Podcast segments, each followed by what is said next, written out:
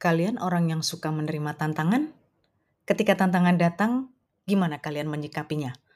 Apa mundur teratur karena takut nggak bisa ngerjainnya atau justru merasa tertantang? Nah, ngobrol sama aku yuk di Cari Podcast, podcastnya pencari informasi yang bikin happy. Halo Sobat Cari Podcast, Assalamualaikum warahmatullahi wabarakatuh. Ketemu lagi dengan aku Kamilia di Cari Podcast, podcastnya pencari informasi yang bikin happy. Dan semoga kalian selalu sehat dan bahagia ya. Oke, malam hari ini tadi aku udah opening dikit, kita akan ngobrol sedikit soal tantangan. Tantangan itu yang bahasa kerennya sekarang kids zaman now, termasuk aku juga suka menyebutnya sebagai challenge ya, atau tantangan. Tadi aku udah tanya di depan ya, kalian tuh tipe yang mana? uh, ada orang yang ketika ditantang itu malah kalau bahasa Jawanya tuh mungsret, malah mundur teratur. Tapi ada juga orang yang ditantang itu dia makin, "Oh, kamu nantang aku, oke lu jual gua beli," gitu ya. Jadi ada tipe yang kayak begitu. Kalian tipe yang mana? Uh, lepas dari itu semua, speaking about tantangan, aku pengen pengen sekedar ya ngobrol-ngobrol sama kalian di, uh, podcast minggu ini soal tantangan ini. Jadi sebenarnya, uh, tantangan itu kan kayak setiap orang tuh sebenarnya pasti ada lah dalam hidupnya ya, bahkan mungkin setiap saat kita tuh sebenarnya tanpa sadar juga menerima tantangan. Misalnya, sederhana aja nih gitu, kita pengen kita lapar, kemudian kita masak, nggak ada pilihan lain selain, eee, kita lapar pengen makan, tapi nggak ada pilihan lain selain kita masak sendiri. Nah, itu berarti kan kita sebenarnya sudah menantang diri kita sendiri untuk bisa masak memenuhi kebutuhan laparnya nih si perut kan, gitu. Aku sendiri sebenarnya pernah juga mengikuti beberapa dalam tanda kutip kompete kompetisi ya, untuk apa ya, istilahnya memenuhi tantangan seperti challenge, eee, yang dulu pernah aku ikuti itu 30 hari bersuara. Itu bahkan baru satu tahun aku jadi podcaster, itu tantangan itu udah pengen aku ikutin.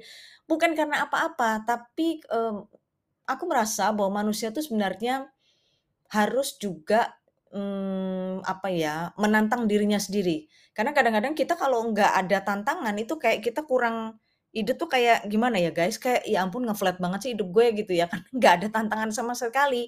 Ini ak aku disuruh ngerjain ini selesai, apa ini, kok nggak ada yang membuat aku akhirnya, "Duh ini susah banget." Itu kayaknya, eee, kita sekali-sekali butuh itu deh. Untuk apa? Iya, untuk mungkin aktualisasi diri, ya untuk membuktikan pada seluruh dunia bahwa aku bisa gitu ya. Enggak sih, kalau aku sih lebih pada kemarin tuh menantang diriku sendiri karena, bisa nggak sih aku konsisten 30 hari podcast-an gitu ya. Dan ternyata alhamdulillah bisa guys, itu alhamdulillah. Walaupun setelah itu aku turun lagi. Aduh, ya itulah dunia ya. Nah, balik lagi kepada tantangan tadi sebenarnya, eee, ada beberapa, apa ya, tools atau ways lah, boleh dikata beberapa cara, sok-sok bahasa Inggris ya, beberapa cara yang bisa aku sharing, eee, pada kalian tentang bagaimana sih kita supaya, eee, gampang untuk bukan gampang ya, artinya menganggap tantangan itu Nggak terlalu berat-berat amat, nggak usah terlalu dipikir gitu ya. Mungkin yang pertama itu, mmm, kalau menurutku kita tuh harus fokus pada tujuannya. Misalnya begini, eee, sederhana aja ya, kayak contoh yang tadi udah aku kasih di depan, eee, perut kita lapar, kemudian kita tidak ada pilihan lain kecuali, mmm, masak sendiri misalnya, karena di luar lagi pandemi, takut jajan sembarangan karena ada penyakit ini dan itu dan lain-lain, banyak kekhawatiran lah kalau kita jajan di luar gitu ya, makan di luar. Akhirnya kita nggak ada pilihan lain kecuali masak. Padahal, nah ini padahal nih, padahal kita nggak jago masak. Paling banter kalau aku ya guys. Masak mie instan. Kita nggak ada kemampuan untuk masak gitu loh. Tapi ini kebutuhan perut kan nggak bisa ditunda, ya kan? Jadi ya itu termasuk challenge juga sih kalau menurutku. Ya udah, masak aja guys. Masak apa ya gampang, itu balik lagi ke tadi tuh, mie instan ya. Jadi itu adalah masakan paling mudah. Nah udah selesai deh tuh tantangannya, daripada perut kosong nggak keisi terus masuk angin kan kita malah nambahin penyakit lagi. Jadi kita fokus aja pada, eee, tujuannya ya. Tujuannya apa? Iya, untuk membunuh rasa lapar ini kan, makanya kemudian kita harus berpikir cepat, meriset cepat, apa nih yang mesti aku lakukan walaupun aku nggak bisa masak kayak chef ternama, tapi aku harus bisa memenuhi kebutuhan, eee, harus bisa men apa ya, istilahnya membunuh rasa laparku ini. Oke, aku akan masak mie instan ya. Nah, setelah itu mungkin, eee, kita bisa cari beberapa alternatif, misalnya, mmm, manggil makanan pakai ojek online kan bisa ya, kalau sekarang sih gampang banget deh kayak gitu. Terus misalnya kita di-challenge ikut, mmm, yang lebih naik dikit lah, ikut kompetisi memasak misalnya kan gitu ya. Nah kita bisa fokus pada tujuannya, tujuannya apa sih? Pengen menang. Oh kalau pengen menang kita bisa lanjut ke yang berikutnya gitu. Kalau pengen menang emang beda lagi ya guys, karena kita harus, eee, well prepare lah istilahnya. Sebelumnya sebelum lomba kita harus nyiapin fisik, jangan sampai pada saat hari H itu kita sakit misalnya, sehingga nggak fokus memasak, yang tadinya pengen nuang garam jadi nuang gula, misalnya seperti itu. Atau kemudian, eee, kita juga bisa, mempersiapkan dengan ngelihat, eee, YouTube, tutorial memasak dari chef-chef ternama. Apa sih kiat-kiatnya supaya masak nasi goreng cuma sekedar kompetisi masak nasi goreng nih misalnya, tapi kok, eee, bisa enak banget tuh bagaimana sih? Nah kita belajar gitu ya, jadi terus prakteknya, jadi learning by doing. Nah itu kita berarti fokus pada tujuan kita kepengen menang. Tapi kalau, eee, kembali ke tujuan kita ya, kalau tujuan kita ikut kompetisi itu hanya untuk Yaelah cuman buat majang di medsos misalnya, "Eh, aku ikut lomba masak nasi goreng loh," misalnya kayak gitu. Ya effort-nya juga nggak perlu banyak-banyak amat, guys. Karena kalau effort terlalu berat tuh kan, eee, ngabisin energi gitu ya, ngabisin energi kalau menurutku sih. Jadi kembaliin aja kepad pada, eee, fokus pada tujuannya, kalian kepengennya apa, eee, menerima tantangan itu tujuan kalian apa, cuman sekedar biar dibilang keren misalnya, atau memang benar-benar kepengen menang di kompetisi itu ya. Jadi, eee, tentu akan mempengaruhi effort-nya atau usahanya. Terus yang kedua kalau menurutku, mmm, kita mungkin bisa dengar beberapa cerita dari, apa ya, pengalaman orang-orang yang lebih ahli misalnya, ya itu tadi yang aku ceritain, kita kepengen menang kompetisi lomba nasi goreng, ya kita harus, eee, banyak-banyak lihat, mendengar, eee, atau bahkan mungkin merasakan masakan chef ternama itu gitu loh. Kayak apa sih, mereka kok cuma masak nasi goreng aja kok enak banget gitu ya. Jadi, eee, apa istilahnya, success story itu juga perlu kita jadikan bahan pertimbangan ya, supaya kita bisa menang dalam challenge ini. Terus aku bilang tadi juga latihan ya, pasti kalau kita pengen ikut kompetisi lomba nasi goreng, tapi nggak pernah latihan bikin nasi goreng. Pada saat hari H, jangan-jangan kalian nggak tahu guys mana itu mana itu nasi, mana itu bubur gitu kan. Kita kita kan nggak tahu, jadi harus latihan bener ya, kecuali, kan lomba nasi gorengnya matanya nggak ditutup gitu. Jadi kita harus tahu bener bisa bedain mana nasi, mana bubur.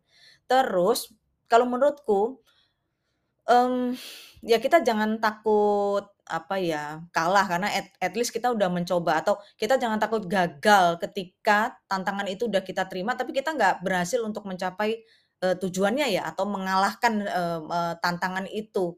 Karena apa? Kemungkinan, mmm, kekalahan itu kan juga banyak faktor ya, kita tidak bisa menyalahkan 100% kekalahan itu kepada diri kita sendiri, karena nanti jadinya malah kita yang sakit hati, malah nggak bagus juga di, eee, jiwa kita, di psikologis kita. Kalau menurutku sih seperti itu. Jadi kalau emang udah kalah, tapi kita sudah apa namanya guys, kita merasa sudah well prepare, udah merasa, mmm, aku udah fokus nih, udah banyak belajar, tapi kok masih kalah. Karena ya mungkin, ya Tuhan belum berkehendak gitu loh kamu untuk menang, tapi at least kamu sudah usaha, sudah ada ikhtiarnya ya. Jadi untuk menuju itu, titik itu kalian sudah melalui tahapan A, B, C, D, E. Jadi menurutku kalau kalah begitu sih kalah terhormat ya. Kemudian, eee, supaya tidak terlalu baper, ya kalian mungkin bisa mensiap mempersiapkan beberapa plan atau alternatif, eee, ketika misalnya nih kompetisi nasi goreng. Kenapa aku ngasih contohnya kompetisi nasi goreng ya guys? Mungkin di kepalaku malam ini yang ada adalah makan nasi goreng sama teh anget. Padahal tadi udah makan gitu ya. Jadi, mmm, plan E dan plan B misalnya. Misalnya, oh dalam, eee, saat kompetisi lomba nasi goreng itu misalnya, eee, ternyata nasi yang aku buat masak itu terlalu lembek, ya, terlalu lembek. Padahal kalau kita masak nasi goreng kan kita tahu sendiri nasinya harus agak keras-keras gitu gitu kan guys. Kalau soalnya kalau lembek tuh nasi gorengnya jadi nggak enak. Nah itu apa yang harus kita, eee, lakukan misalnya. Terus, eee, contoh lain, mmm, ketika saat lomba misalnya apa ya, oh terlalu nuang kecap misalnya terlalu banyak. Ini apa nih supaya, nasi goreng itu rasanya bisa seimbang antara kecap sama sambelnya. Karena kalau terlalu banyak kecap namanya nanti nasi rawon mungkin nasi hitam warnanya ya. Tapi kalau kebanyakan cabe juga kita nggak tahu apakah itu nasi ayam geprek, apakah nasi goreng gitu ya. Jadi kalau menurutku sih kita fokus pada 4 hal itu aja sih. Jadi kembalikan ya intinya kembalikan pada tujuannya lah guys. Kalau kalian cuman, eee, just having fun gitu, mengikuti suatu kompetisi karena ditantang buat lucu-lucuan sama temen, terus dimasang di medsos, yalah anggap aja semuanya itu games guys, nggak usah terlalu berat hidup ini. Masih banyak, eee, yang harus kita selesaikan, hayati kan lelah gitu ya. Oke, itu aja deh ceritaku malam hari ini yang nggak karu-karuan tentang kompetisi nasi goreng. Ya, tentang bagaimana, mmm, kita itu mensikapi suatu challenge ya. Eee, gimana dengan kalian? Apakah kalian akan mundur ketika challenge itu datang atau kalian akan merasa tertantang dan ingin menyelesaikannya? Ketemu lagi dengan aku minggu depan ya, sama Kamelia di Cari Podcast, podcast-nya pencari informasi yang bikin happy. Assalamualaikum guys. Thank